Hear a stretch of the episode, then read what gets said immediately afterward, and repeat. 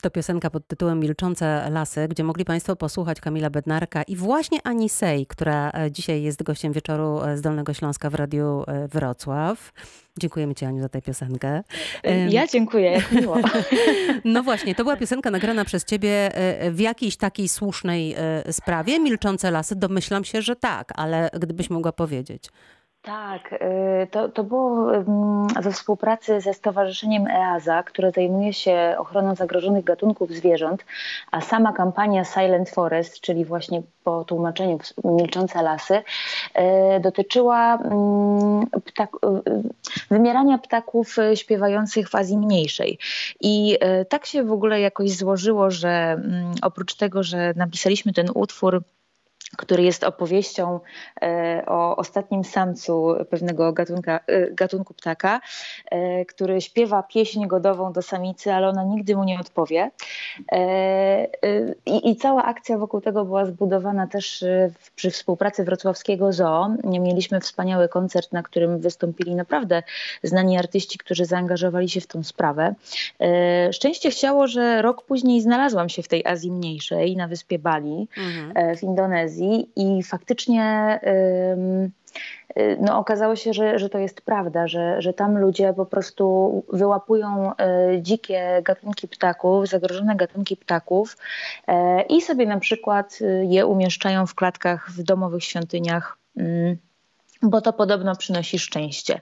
Więc y, to stowarzyszenie EASA, z którym ja też podjęłam współpracę. To jest międzynarodowe y, stowarzyszenie, prawda? E, tak, mhm. tak. I, I oni y, jeżdżą na misje, gdzie uświadamiają w ogóle lokalnych e, mieszkańców tych miejsc, w których ten proceder ma miejsce.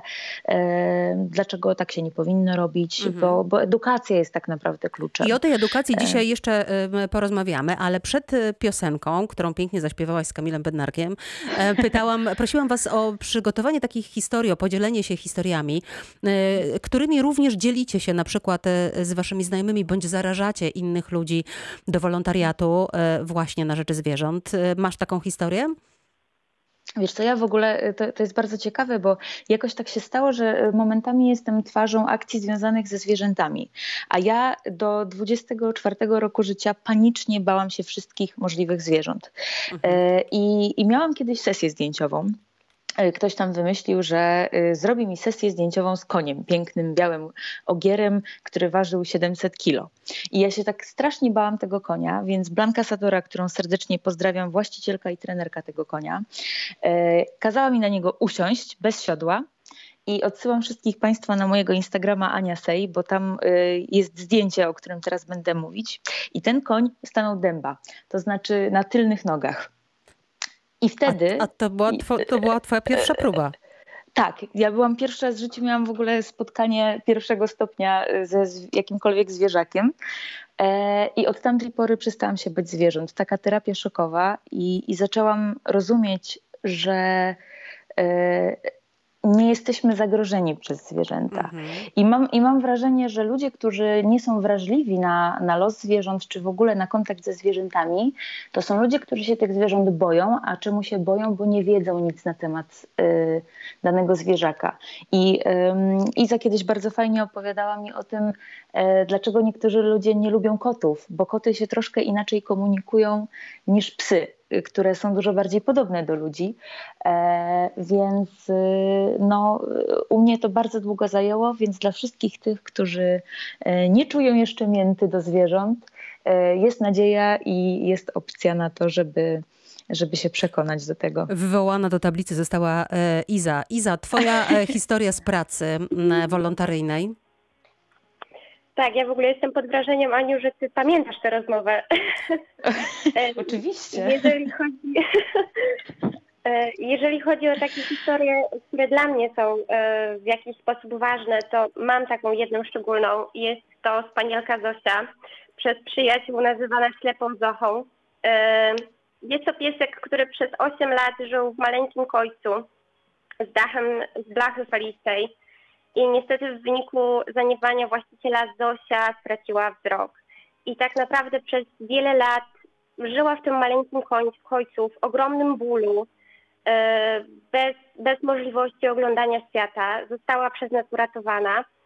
e, przeszła operację e, usunięcia gałek ocznych, bo niestety tego wzroku nie dało się uratować. Natomiast e, jest to historia bardzo bliska memu sercu, bo Zosia została adoptowana przez jedną z naszych wolontariuszek, przez Magdę, moją dobrą koleżankę. E, jest teraz przeszczęśliwym, przekochanym, przecudownym psiakiem, który oddaje mnóstwo miłości nie tylko Magdzie, ale i całemu światu. Ale są też takie e, zwierzęta, o co Iza chcecie zapytać też, e, które nie są przeszczęśliwe, nie są zadowolone, nie potrafią oddać. Mam na myśli zwierzęta agresywne. I chciałam was zapytać, czy pracujecie z behawiorystami, pracujecie z weterynarzami, jak pracuje się z takimi e, zwierzętami, które z różnych powodów właśnie stały się agresywne i co potem się dzieje e, podczas ich adopcji? Mhm. To znaczy, na pewno warto podkreślić, że zwierzę nigdy nie jest agresywne samo z siebie. To znaczy, zwierzę staje się agresywne w wyniku tego, jak zachowuje się wobec niego człowiek. A tak zwane agresywne rasy? Nie ma czegoś takiego jak agresywna rasa. Mhm. To, to jest wszystko... Czy to jest jakiś mit, tak? To, że, że są, pitbull jest agresywną rasą, to jest mit, tak? To jest wszystko efekt działalności człowieka yy, i to jest wszystko efekt tego, jak my postępujemy z zwierzętami i jak my się do nich odnosimy.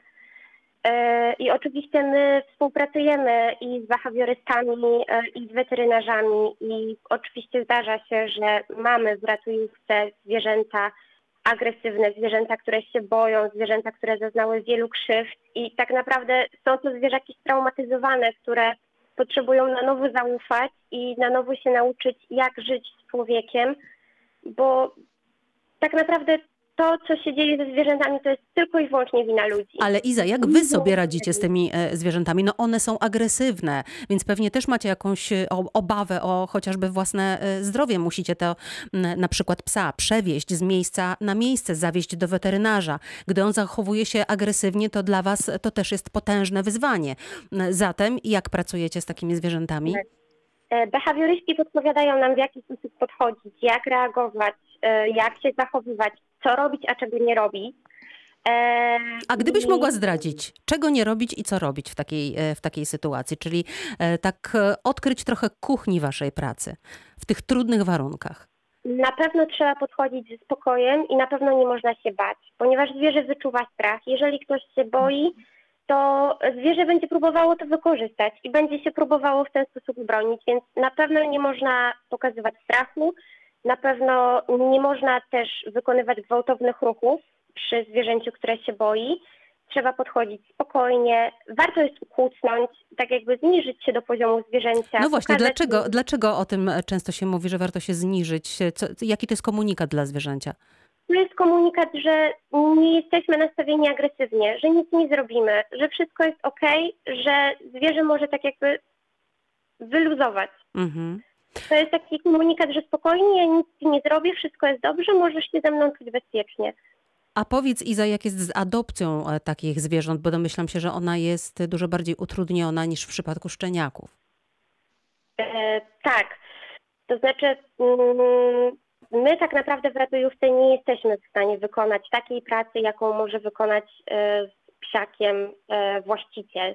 I oczywiście są to trudne adopcje, bo nie każdy ma na tyle odwagi, e, żeby zaadoptować psiaka, który jest agresywny i który się boi.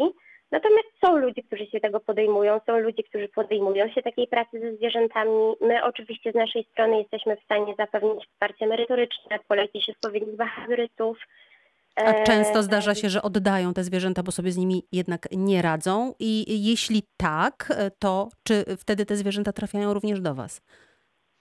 To znaczy każde zwierzę, które e, tak jakby zostało wyadoptowane przez grupę Ratuj, w razie jakichkolwiek problemów wraca z powrotem do grupy Ratuj.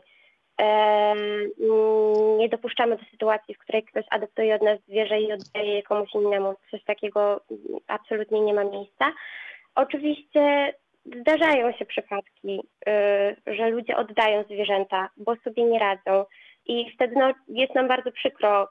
Bierzemy takiego zwierzaka z powrotem i staramy się mu znaleźć ten dom, na który zasługuje. No właśnie, a jak zajmujecie się e, zwierzakami, które macie pod swoją e, opieką, bo to jest e, wyzwanie mm, i finansowe także.